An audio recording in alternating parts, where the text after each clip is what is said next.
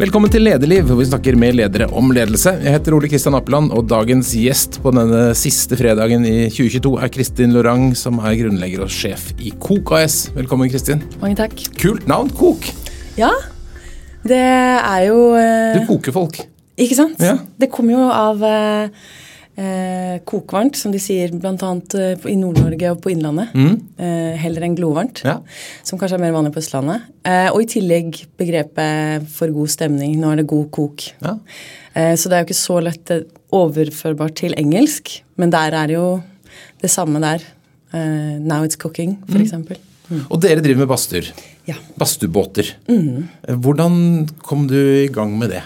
Jeg hadde ehm, Jeg var litt eh, Jeg kjente at jeg ikke var helt eh, lenger tilfreds med den karrieren jeg hadde, så jeg var veldig søkende. Eh, prøvde ganske mye forskjellig. Tok et år psykologi. Begynte litt på juss, litt på økonomi. Var, prøvde mye forskjellig og leste mye bøker om om det å finne, finne sin mening, eller finne det som er Som de på japansk kaller for ikigai, da. Som skal handle om eh, eh, om, å, om å bruke mesteparten av hverdagen sin på et virke som, som i størst grad gjør deg kanskje lykkelig. Men, eh, Og så fant jeg ikke noe Etter hvert som jeg leste mer, så skjønte jeg vel at jeg kanskje egentlig eh, var mest dratt mot gründervirksomhet. Og den kreative biten og, og det å bygge noe. Og ikke minst kanskje kunne skape et sted med eh, i større grad den type verdier som, som jeg opplevde, særlig kanskje i luftfartsbransjen, at var, var litt ja, det, det, var, eh, det er mye bra å si om den bransjen òg, for så vidt, men eh, Ja, for du var pilot. ja da. Ja. Ja. det var det jeg var. Mm. Og så, hvordan landet du da på badstue? Ja, da, eh, da landet jeg jo først på det at jeg har lyst til å skape mitt eget, jeg har lyst til å bygge min egen bedrift. Det er en ganske skummel tanke å ha når jeg hadde ikke jobbet på kontor engang. Eh, og så måtte jeg bare vente på den rette ideen. Og den kom helt eh, fullstendig fra eh, Som lyn fra klar himmel da vi var med noen eh, pilotkolleger, en, en gjeng av oss som var instruktører på tekniske systemer, så var vi på sånn teambuilding-tur i Stockholm skjærgård, og der hadde de en sånn flytende badstue. Og jeg var ganske misfornøyd med hele opplegget. Eh, Jeg var eneste jente. eh, Alle gutta var eldre enn meg. Det var veldig sånn gutte-guttestemning som, som jeg for så vidt var vant med. Men, men i tillegg så skulle vi da altså bade i kaldt vann, som jeg mislikte. Og vi skulle ta badstue, som jeg heller ikke egentlig kunne fordra. Og så var den kombinasjonen helt fantastisk.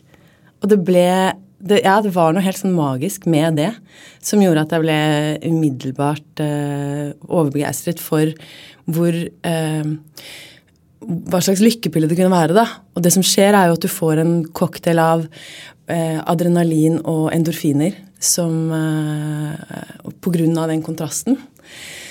Så det var, jeg var så slått over ende av eh, hvor umiddelbart mitt humør endret seg. Og det var jo veldig det som gjorde at jeg tenkte dette her må vi, dette må vi ha mer av. Flere trenger dette her. Og det har jeg jo også sett i etterkant. Og da sa jeg jo en tidligere kollega av meg fortalte at på vei tilbake til hotellet så hadde jeg jo sagt dette skal jeg ta til Oslo. Og det hadde jeg glemt siden. Um, for så skulle jo det realiseres, og det tok mange år før jeg på en måte turte å, å gå ut i det. Men, eh, men akkurat den opplevelsen jeg eh, hadde da, har jeg jo sett hos mange gjester som kommer. Og det, og det er jo derfor jeg særlig syns det er begeistrende å se de som eh, de som hater mest på hele konseptet, og kanskje blir dratt med av vennene sine, har en dårlig dag, er litt nedfor. Og så blir det en helt sånn veldig nydelig transformasjon hvor det skaper masse glede. Hva slags forhold hadde du badstue og kald bading før det? Nei, jeg var på overhodet ingenting. Jeg, jeg skydde det som pesten. Absolutt. Du har ikke vokst opp med badstue i huset? Nei, ikke. Ikke. Jeg var alltid sist ut i vannet og aldri inn i noen badstue. Men det er jo kombinasjonen som, jeg, som jeg skjønte. Men det er jo det finnene har holdt på med i lang tid. De elsker det jo. Så det flytter seg vestover, da. Til Sverige og så til oss. Ja, altså det er jo, det er jo faktisk tradisjonelt øh, en øh, nordeuropeisk kultur, hvor det var like mye tidligere i Norge som i Finland. Og så kom øh, øh, kristendommen. Og da var det jo slik at alle gårder hadde en badstue, og det var der hvor folk vasket seg. Det var, det var badet deres. Um, så de gjorde vasken der, og det var menn og kvinner, og, og, og så var det offentlige badstuer, og så ble det sett på som lite sedelig, slik at uh, de fleste badstuene ble brent på i hele, Nord-Europa. Hvorfor finnene klarte å tviholde på den kulturen, vet jeg ikke. Folk, antagelig. Ikke sant? Ja. Så, så, uh, mm. så vi ønsker jo på en måte å ta tilbake den tradisjonen som egentlig er også norsk. Hva var det som gjorde at du fikk det kicket når du var i, i Sverige den gangen? Det er en blanding av mange ting. Um, det er jo litt sånn rent de fysiologiske effektene du får med hormonene for de som er um, kroppen, egentlig, som skal passe på deg, og er beskyttelses, uh, en beskyttelsesreaksjon. Um, og så er det mestringsfølelse, fordi du gjør noe som du egentlig ikke trodde du skulle. Og så er det berusen å kjenne at, at det gjør deg godt. En angrer jo aldri på et bad. Uh, og så er det fellesskapsfølelsen rundt det um, Det er vanskelig å beskrive, men, men, det å skulle gjøre noe som alle gruer seg litt til, uh, og alle er litt, kanskje litt awkward og, og, og um, i sine bleke vinterkropper og skal uh, og skal ikke akkurat ut i krigen, men, men, men, skal alle sammen En er veldig samlet om en opplevelse som, som som binder en litt sammen. Og som skaper masse glede når, når, eh, når en sakte, men sikkert ser at alle tør å gjøre det, da. Uh, og da uh, blir det Det er noen Vi har hatt gjester som har sagt at å være på kok er som å legge fra seg hodet på brygga. Og det blir, og vi, vi bruker jo ikke mindfulness, for det er et veldig betent begrep, mm. men det handler, jo, det handler, jo, rett og slett om at det er noe som skaper en boble, som er en veldig sånn intens her og nå-opplevelse. For du, du blir så fokusert. Så, så, hjernen får egentlig en pause. Eh, I hvert fall min hjerne er veldig overaktiv. Det kan bli litt slitsomt. Eh, men, men i en sånn setting så, så er den veldig eh, til stede og fokusert og glemmer alt annet. Og, og da får en jo også en annen type fellesskap og nærhet til dem man er sammen med. da. Men da du øh, hadde bestemt deg for å bli gründer, og så hadde du vært på denne opplevelsen, var du liksom helt klar på at det var dette du skulle gjøre, eller hadde, var det et av mange alternativer som du har vurdert etter det? Uh, nei, da var jeg helt klar på at det er det jeg ville ja, gjøre. Så du fikk liksom kallet etter å ha vært ja. en stund? Mm. Og så da, til å, når, hva, hva, hva, det, til å ta skrittet ut? Ja, ja, Fortell om den prosessen. Nei, så tok det tid. Um, det tok vel tre år. Uh, ja, to, to, år tok det kanskje. Men um, Uh, først, tenk, først, ønsket jeg å lage et slags sånn uh, Hva skal jeg si Timeshare, eller en, en, en um, badeklubb, da. Mm. Som felles gikk sammen om å kjøpe en sånn badstue. Og så skulle på en måte driften gjøres på dugnad. Uh, og loddet stemningen og, og blant venner, og veldig mange var veldig positive. Men det som var den gjengse tilbakemelding var fra de aller fleste var dette høres veldig kult ut. vi har ikke tid, mm. men start opp et AS, så, så er vi med deg. Eh, eller så, så kjøper vi hele tjenesten. Mm, ja. mm. Og så etter hvert så um, så tok jeg mot til meg og startet et AS. Som var jo helt nytt for meg. Men da, uh, da var det veldig spennende å lære om det. Så jeg leste jo mye om det. Hadde folk rundt meg som, som um, heiet på meg, og som hadde erfaring med AS fra før av. Og som kunne da være liksom støtte og veiledende. Mm. Uh, mm. Men så har du valgt altså elektrisk badstue som kan flytte av gårde? Ja, altså ovnen er jo vedfyrt, ja. mm. og så er eh, motorene eh, påhengsmotorene, da. Så den flytter seg, men den ligger ikke bare ved brygga? Nei. Hva, hvor, hvorfor valgte du det konseptet? Eh, uh, fordi det er uh, Altså for det første, når den er elektrisk, så så flyter den jo av gårde helt stille mm. som et flytende Hva det heter? Flyvende teppe. Mm. Eh, og um, Så du får jo en, en, opplevelse av reise, da. Oslo skjærgården er jo veldig vakker, og den er veldig vakker på vinteren. Så da å kunne sitte inne i en badstue og være litt på reise, og de, de går jo ikke De cruiser jo i, i, et par knop. Mm. Så, så, så veien er jo målet. Men det handler om å få litt få en større grad av naturopplevelse. For jeg tror det er noe av det som gjør eller liksom skaper den gode følelsen som gir verdi i, i den tjenesten. Men uh, du får um, Ja, du tar et lite steg tilbake fra byen og, og får sett det litt på avstand. Og um, ja, så Det er jo naturligvis en litt mer kostbar tjeneste, mm. ettersom vi har en skipper som er sertifisert. Og, og det er um, mens, mens, når du leier badstue ved land, som også er en veldig fin opplevelse, som ofte er det jeg gjør, når jeg tar badstue, så, så, kan jo en eh, badstuemester mm. betjene mm. flere badstuer. Så derfor det er det rimeligere. Men hvordan valgte du det? Det er et hav av valg. da. Hvordan, hvor stor, hvor liten? altså Hvordan liksom, la du opp prosessen? Hvordan ble den første badstuen til? Eh, det var jo Det er jo ikke vi som produserer dem. Nei. Eh, ennå. Eh, det, det, nei, jeg brukte bare en lang tid på å gjøre research. Mm. Finne ut hvor, eh, hvor, og hvordan. Vurderte selvfølgelig å bygge en selv. Mm.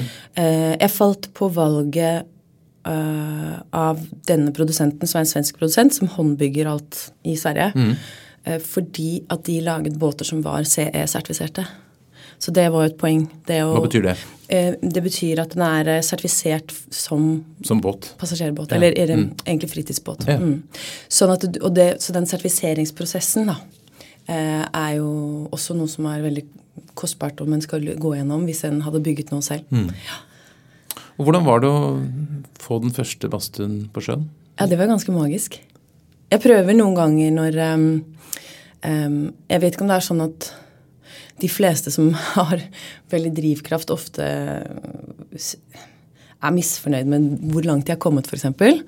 Eh, som jeg kan være noen ganger. Eller at jeg, jeg, prøver å fokusere på hva jeg har oppnådd. Og det å da tenke tilbake på den dagen hvor vi satt den første båten på vannet 2018? Ja, ja 2018.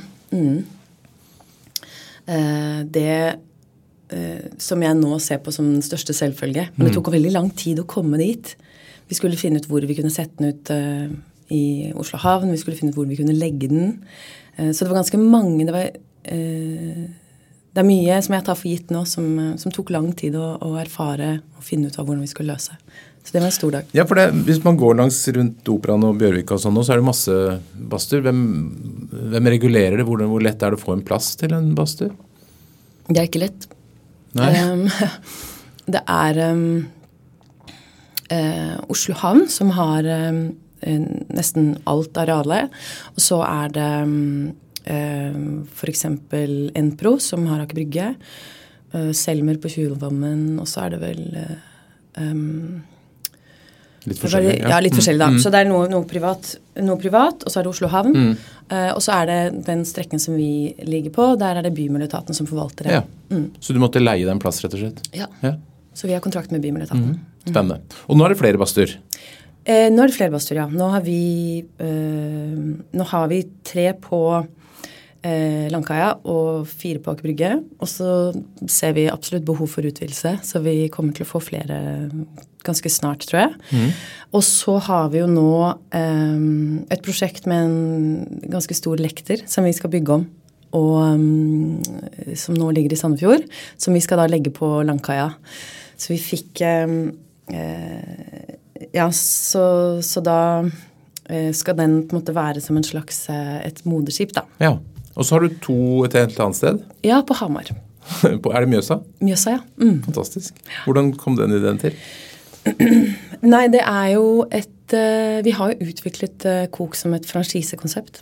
Så de erfaringene som vi har gjort oss opp igjennom for hvordan vi skal drifte badstue, alt fra regnskap til eh, eh, vaskerutiner. De har vi jo samlet, Alle disse oppskriftene har vi jo samlet i det som selvfølgelig heter Kokeboka, mm. som er et digitalt oppslagsverk. Uh, så det er jo det en franchisetaker da uh, kjøper seg rettigheten til. Og merkenavnet, selvfølgelig. Og de felles, felles, plattformene som vi har bygget opp. Og, og badstuen? Uh, ja, og badstuen, ja. som de leaser, da. Mm. Mm. Så jeg kan bli kokdriver hvis jeg vil kjøpe meg en båt og eller leie meg en båt og bli med i systemet? Ja, mm. i utgangspunktet. Absolutt. Spennende. Eh, hvor stort ser du for deg at dette kan bli? Um, vi, uh, vi, har gjort oss mange erfaringer gjennom korona. Um, fått selvfølgelig noen slag i trynet. Mm. Vært nedstengt lenge, tre ganger. Uh, og vi hadde flere lokasjoner, uh, eller steder, eh, av mangel på et bedre norsk ord. Eh, men eh, rundt omkring. Og så har vi jo sett den, De erfaringene vi har gjort oss, er at hvis vi skal starte opp, så må vi starte opp i litt stor skala. Av mange forskjellige årsaker. Sånn at den planen vi hadde i utgangspunktet, var jo å ekspandere litt um, som ringer i vann. Og vi vant jo franchisemodellen fordi det er en forretningsmodell som innebærer at vi trenger ikke så mye um, kapital, mm. fordi de investerer selv. Men så har vi sett at det det, det, det var, særlig når du blir rammet av noe så uforutsett som korona, så, så, er det veldig tungt når du ikke har noe kapital i ryggen, å holde det flytende. Bokstavelig talt. Mm. så, så, da måtte vi stenge ned en del eh, steder. Mm. Så nå er vi litt i en sånn slags konsolideringsfase. Eh, for å se på Fordi det, det, det, er jo ikke noe tvil om at uh, i Oslo så øker jo øker vi jo eh, omsetning med omtrent 10% i måneden. Mm. Og, eh, og siden i fjor så har vi jo mer enn doblet topplinjen. Men, eh, og, det, og, jeg tror at det er en vekst vi kan fortsette med en god stund. Så, men om vi nå skal øh, Eller vi skal jo utvide, men da kommer vi til å gjøre det i de større byene. Og vi kommer til å vente til vi kan gjøre det med øh, en f.eks. en profesjonell investor. Mm. heller enn en privatperson som, som, går inn med en lite, lite, oppstartskap, litt oppstartskapital og, og da er veldig sårbar. Si litt om selve tjenesten. altså leier man, Må man være en gruppe, eller kan én og én gå og ta badstue? Hvordan funker dette? Vi har jo delt inn i tre. Ja. Så enten så kan du gå på det som vi kaller for felleskok, som vi tidligere kalte for drop-in, mm. men du booker det på forhånd. Så da ble drop-in litt misvisende. Ja. så, ja, så det er felleskok. Da, da kommer du med mange andre. Eller du kan booke den privat. Og da har du badstuen for deg selv, det er plass til ti. Mm. Eller så kan du booke Kok-cruise, som okay. da er også privat, men ja. du kan ta den da ut på sjøen med en skipper. Ja. Hva er mest populært? Um, tja Det er vel uh, privatkok. Mm. Mm. Og når på døgnet er det folk har mest lyst til å bade og ta badstue? Morgenen. Flere og flere på morgenen. Vi satser jo nå eh, eh, Vi jobber jo nå med medlemskap som er da en abonnementstjeneste, og bedriftsabonnement også, som er begge deler eh, økende. Mm. Og da er det mange som eh, foretrekker å komme på morgenen. Og, og, kvelden, selvfølgelig. Lørdager absolutt mest populært. Ja, mm. Så lørdag det er litt party. Er det lov å drikke alkohol der? Ja, vi ønsker jo ikke party, men, men, det skal jo være lov å ha det litt gøy. Så mm. vi, vi, har i reglene våre at du kan ta med to enheter. og så har vi jo jobber vi med internt eh, hvordan vi skal håndheve dette, og, og, hvordan vi skal kommunisere til kundene og være måte, litt sånn blidstreng. Som litt på samme måte som en må f.eks. i restaurantbransjen. Mm. Hva, hvem, hvem, er den typiske kunden? Alder, kjønn? Eh, til kunden er eh, kvinne, høyt utdannet, 35-40, har en eh, stressende Eh, et stressende liv som hun for så vidt har valgt selv, men som medfører at, eh, at den pausen i hverdagen er desto mer kjærkommen. Mm. Men dette med å bygge opp og lede noe, å være sjef, da, er det noe som du har drømt om siden du var liten? Jeg har aldri Unnskyld. Jeg, jeg, har jo aldri drømt om å være sjef. Men jeg har Jeg har veldig mange ideer. Og veldig um, mye virketrang, på en måte. Så da, så da er det jo da, da, er det på en måte en naturlig del av det at da må du ofte ha, få, få, med deg noen på laget. Mm.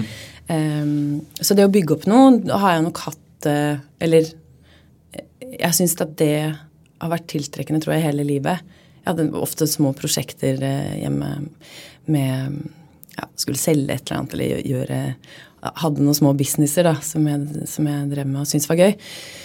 Så jeg tror nok at øh,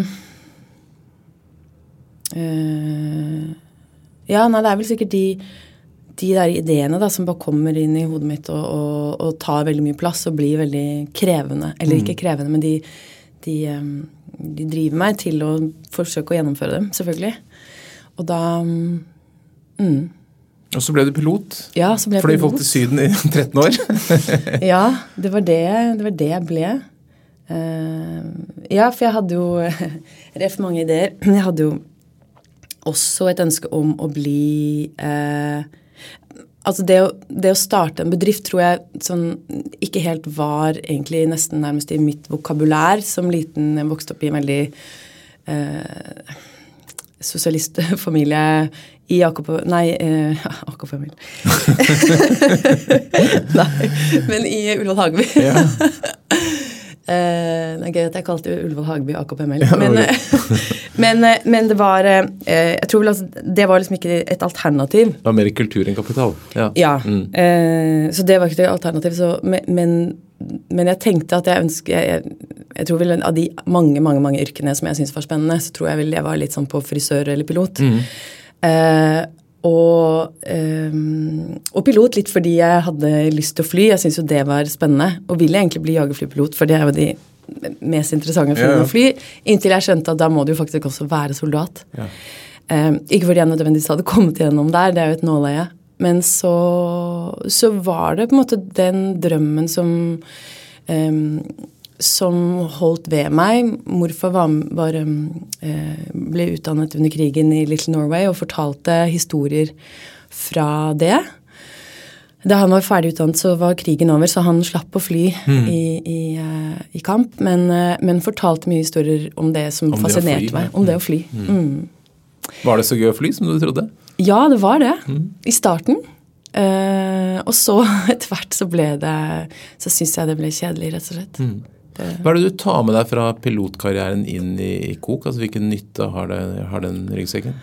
Mange, mange ting som jeg ikke var klar over på forhånd i det hele tatt. Det er uh, um, Viktigheten av å legge en plan. Uh, god kommunikasjon, som jeg absolutt ikke alltid får til, men, men jobber alltid med saken. Um, og um, eh, Overblikk, kanskje. Mm. Eh, en av de viktigste egenskapene som pilot er det de kaller for situational awareness. Som er bare situasjonsoverblikk. Jeg hadde egentlig faktisk hørt det oversatt til norsk. Mm. Men det handler jo egentlig om å forsøke å se eh, se alt i full perspektiv og, og, og, få et overblikk over situasjonen alle de forskjellige ressursene du kan benytte deg av, alle de du må kommunisere med, um, hvilke alternativer du har til rådighet, og, um, uh, og, og, benytte deg av alle de, være god til å kommunisere ut, være, skape en kultur hvor det skal være åpenhet for å, for å stille f.eks. dumme spørsmål. Um, som uh, Vi lærte også ja, og så var det masse akronymer, naturligvis. Mm, mm. Luftfarten er mye basert på hva som skjer i USA, og de er glad i akronymer. Og da, i krisesituasjoner, så, det, så brukte vi bl.a. noe som heter GRADE, eh, hvor G-en var Gather Information, R var Review Information, Analyze eh, Alternatives, og den siste var Evaluate. Mm. Og så går jo det som en loop. Og dette er jo redskaper som fins i Som f.eks. de som eh, gå på skole for å lære prosjektledelse eller ledelse, sikkert lærer i, i andre former. Men som jeg lærte gjennom luftfarten. Så i, mm. det det skjer noe uforutsett, så skal en gå gjennom det, da. Så du er god til å holde roen hvis det stormer litt? Uh, jeg har blitt bedre, men, men jeg, jeg, Alt er jo relativt.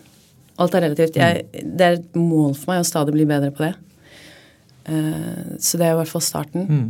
Og um, jeg tror nok korona har gitt meg ganske mye tykkere hud. Men det var um, Jeg var ikke alltid god til å holde roen da, tror jeg.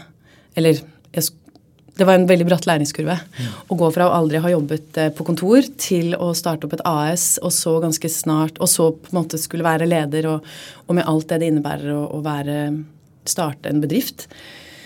Og så kom korona, og da, da var det Det er klart at da du blir jo vettskremt for at disse arbeidsplassene du har bygget opp, skal forsvinne. Alt det du har investert, skal forsvinne.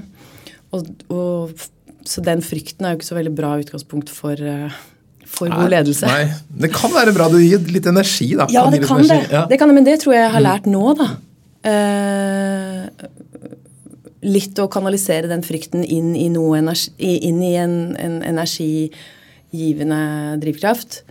Uh, mens uh, Men det, det var en skikkelig uh, Ja, det er en MBA du ikke kan kjøpe deg til, det å stå som leder i en liten bedrift under korona. Hvordan ser bedriften ut i dag? Nå er det veldig mye positivt som skjer. Vi Mange er dere? Eh, vi er vel Det er jo en del deltidsstillinger mm. Eh, som er badstuemestere, men sånn rundt 40. Mm. Og så eh, Men så ønsker, å, så ønsker, vi å, endre litt på det, sånn at de, det som er litt mer deltidsstillinger, litt sånn bygget opp rundt kanskje serveringsbransjen, hvor det er mye studenter og mye sånn sett fleksibilitet, så ønsker vi å, å endre det kanskje litt mer mot luftfart. Mm. Sånn, hvor, hvor, vi kanskje etter hvert ender opp med en turnus, men hvor vi ønsker at alle skal være uh, fulltidsansatte. Uh, mye misfornøyde flyvertinner kanskje, og piloter kanskje skal få noe av dem ned på, på, vannet? Ja, det kan godt hende. Mm. Ja. Uh, ja, altså det er jo De perfekte arbeidstakerne kan jeg forestille meg, da. Mm. Det å ha kabinbesetning hos oss fordi de er veldig sikkerhetsinnstilte, eh, tåler ganske mye, er veldig kule folk. God på service. Ja. Veldig god på service. Mm. Absolutt. Men, men, ser du for deg at det skal være en, en, liten administrasjon også, en haug med franchisetakere, da? Vi er ikke helt sikre på om franchisemodellen er den veien vi skal gå. Nei. Um, det vi har lært, er at uh, for Bl.a. for å lage et godt arbeidsmiljø så trenger vi flere båter, sånn at de som er på jobb, ikke skal være uh, alene på jobb. Mm. Uh, og Det er jo en av årsakene til at vi kjøper denne lekteren, hvor vi kan ha badstuebåter som ligger rundt, mm. og hvor vi har en driftsbygning på midten. Og Det vil også gjøre at vi kan da selge Vi kan ha fasiliteter som dusj og etter hvert også toaletter vi kan kanskje etter hvert få skjenkebevilling, selge mat og håndklær, badetøy. Så det er Gardermoen i miniatyr her? ja, på mange måter. Ja. Nå ser jeg det for meg, ja. Det har jeg faktisk ikke tenkt engang. Nedskalert variant av, av Gardermoen. Ja. Vi må ha en flyveleder på toppen i tårnet. Du får lage et lite ja, tårn der. Ja, det er fint. det høres veldig bra ut. Mm. Men, men hva, er det du syns, hva er det du syns er eh, vanskelig i denne prosessen? Hva er det du grubler på? Mm, Hva er det jeg grubler på? Jeg tror, jeg tror, kanskje det som er absolutt mest eh, utfordrende, er eh, hvordan være en god leder, og hvordan på en inspirerende måte få andre til å eh, utføre din visjon.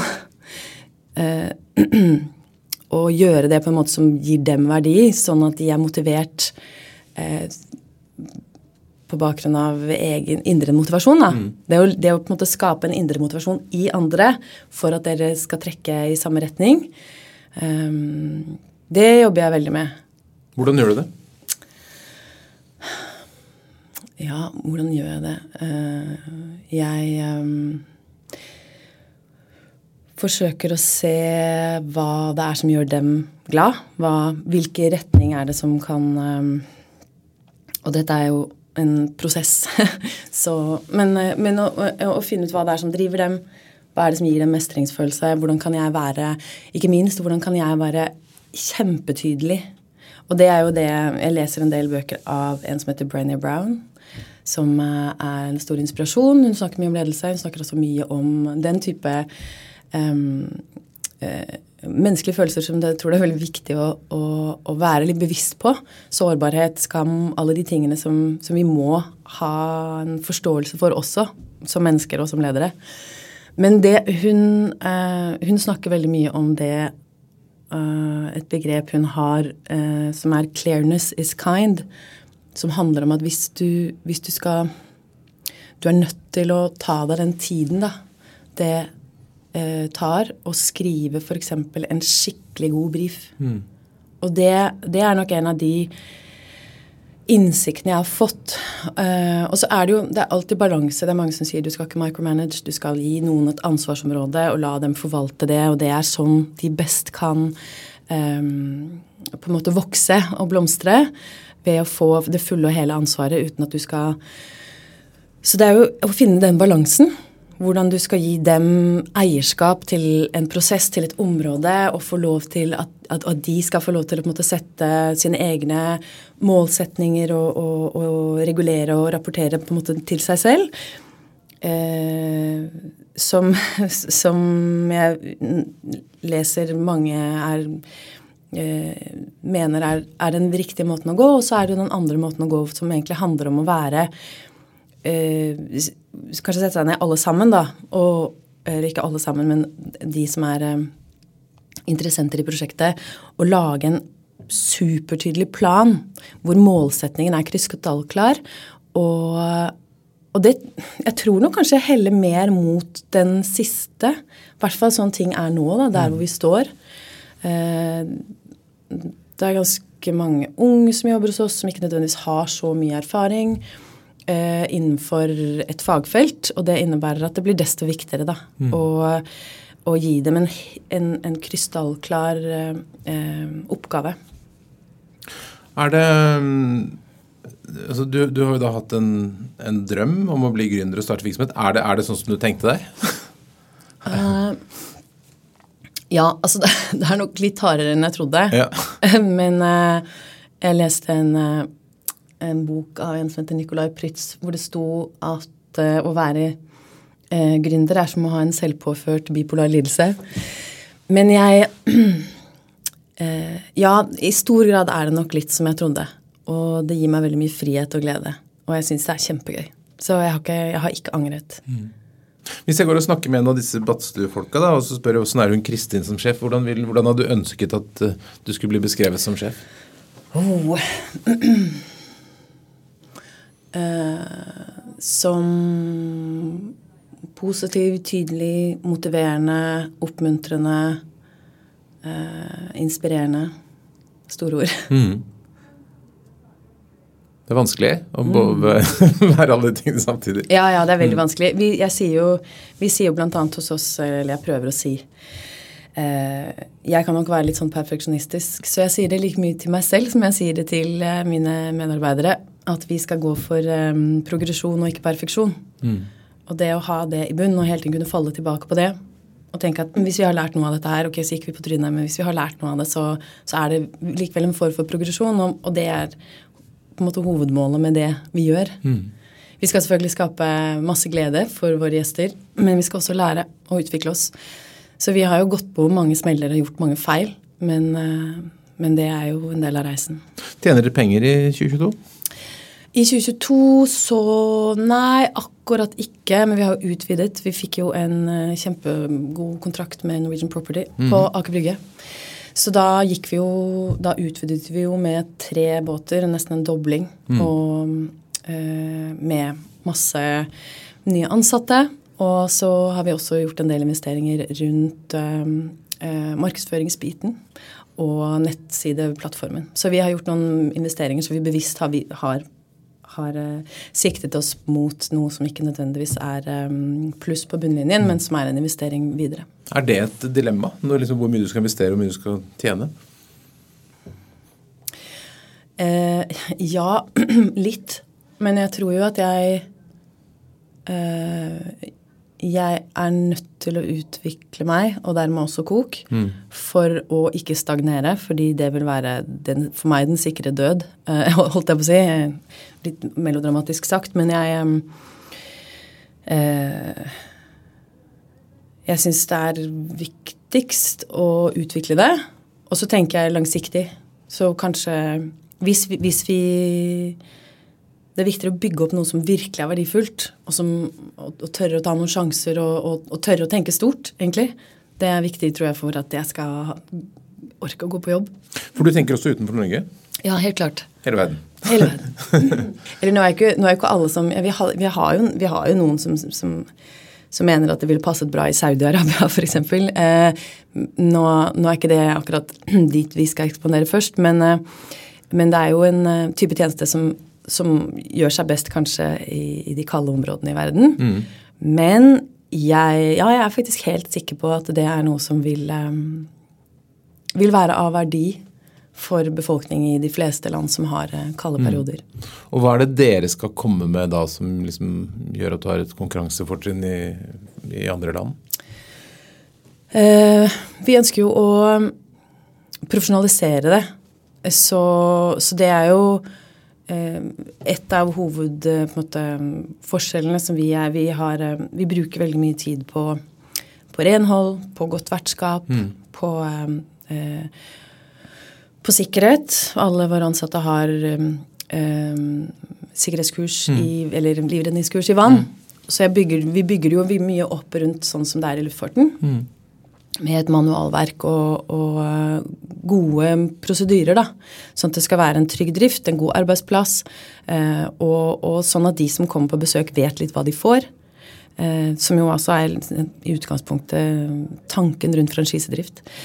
Men som sagt, det er ikke sikkert at vi skal ekspandere med franchise, men vi får jo nesten ukentlig får vi henvendelser fra utenlandske interessenter som ønsker å ta Co-konseptet til seg. Så kult. Du nevnte markedsføring. Hvordan, eh, har dere, hvordan har dere jobbet for å få nok eh, gjester eller kunder? Det er jo I starten var det mm, venner og kjente, og så vokste det. Um, vi har jo Det er jo sosiale medier, både organisk og betalt. Mm. vi ønsker også å eh, Nå med, blant annet med medlemskapet så ønsker vi å skape en, et community og fellesskapsfølelse rundt det å være på kok og være en koker. Mm. Uh, mm, så, og, og så tror jeg i veldig stor grad at vi har uh, Vi skal jobbe mer og mer med e-postmarkedsføring. Fordi jeg tror vi har mye å dele når det gjelder det kanskje å, å være flink til å skape flere Mer tid for seg selv, mer selvomsorg. Jeg tror hele samfunnet kanskje, kanskje går litt mer i retning av eh, å være bevisst det at eh, det er ikke lenger så eh, stilig å si at du er i ferd med å jobbe deg i hjel. Eh, det er jo en slags epidemi. Jeg føler jo når de aller fleste, og jeg, jeg er kanskje en av de verste, men jeg føler når de aller fleste når jeg, møter dem så, og spør hvordan det går, så sier de ja, det går bra. Det er mye å gjøre, men det går bra. Og det er noe jeg tror folk kanskje kommer til å bli mer bevisst på.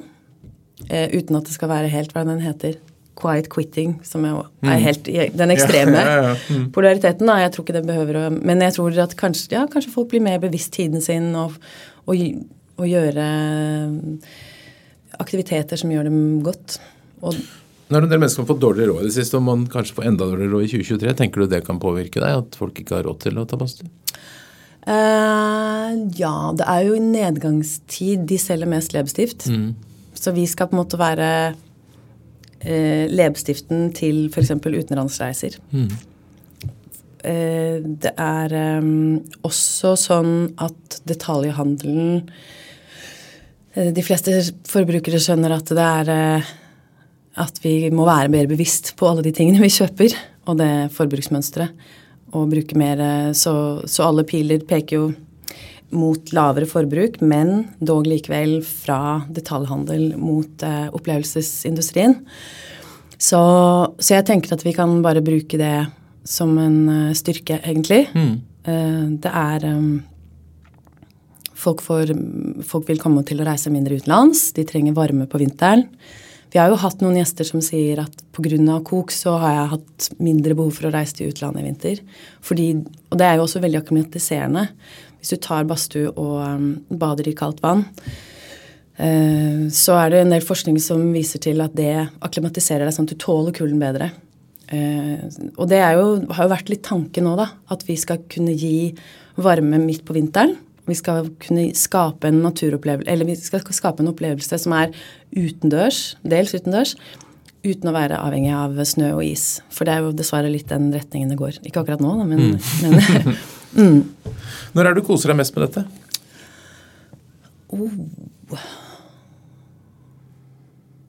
når jeg sitter og snakker med noen av kollegene mine, og vi, og vi har overskudd, og vi har plass til å bare sitte og drodle litt, kanskje mm, når, det, ja, når det er en sånn type frihet som innebærer at vi, eh, at vi kan snakke litt løst og kanskje snakke litt stort, og, og, og, og det er lett og ledig stemning, og vi har eh, rom for det.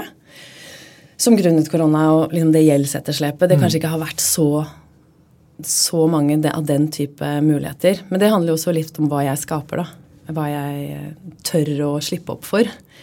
Eh, og så syns jeg det kan være utrolig deilig å bare sitte og rydde i dokumenter. Og mm. kaste gamle dokumenter. ja, ja. Det er en litt sånn katarsisfølelse. Følelsen av få orden. Ja. Mm. Mm. Blir det mye badstue på det? da? Veldig lite. ja, det gjør det. Det blir altfor lite. Det, Men jeg savner det. Jeg er det nyttårsforsett? Mer badstue? Definitivt. Mm. Helt til slutt, Kristin, hvis det kommer en ung person til deg og har lyst til å bli leder, da, sånn som du er, hva er de tre viktigste lederrådene du vil gi? Du skal gi tre råd.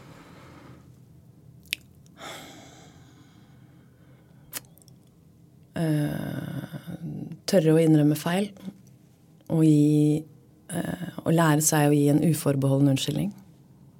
Det tok meg lang tid. Mm. Jeg er ikke nødvendigvis i mål, men uh, jeg er veldig bevisst det. Uh, klare å sette tydelige mål. Sette en nordstjerne som gjør at eh, det gir mening å være på jobb, så folk har veldig eh, sterk forståelse av hvor vi skal.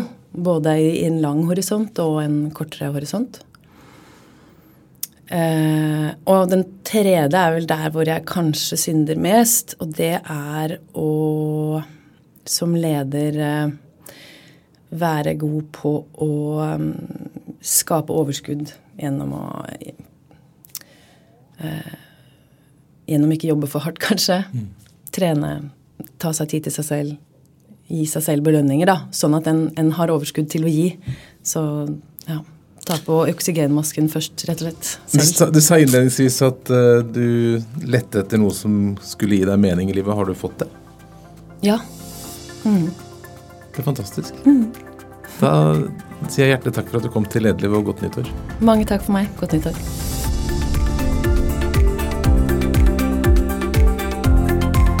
Lederliv er en podkast fra kommunikasjonsbyrået Apeland. Vi legger ut nye episoder hver eneste fredag. Redaksjonen består av Ingrid Hogneland, Lars Bolden, Lars Jarli Melum og meg, som heter Ole Kristian Apeland.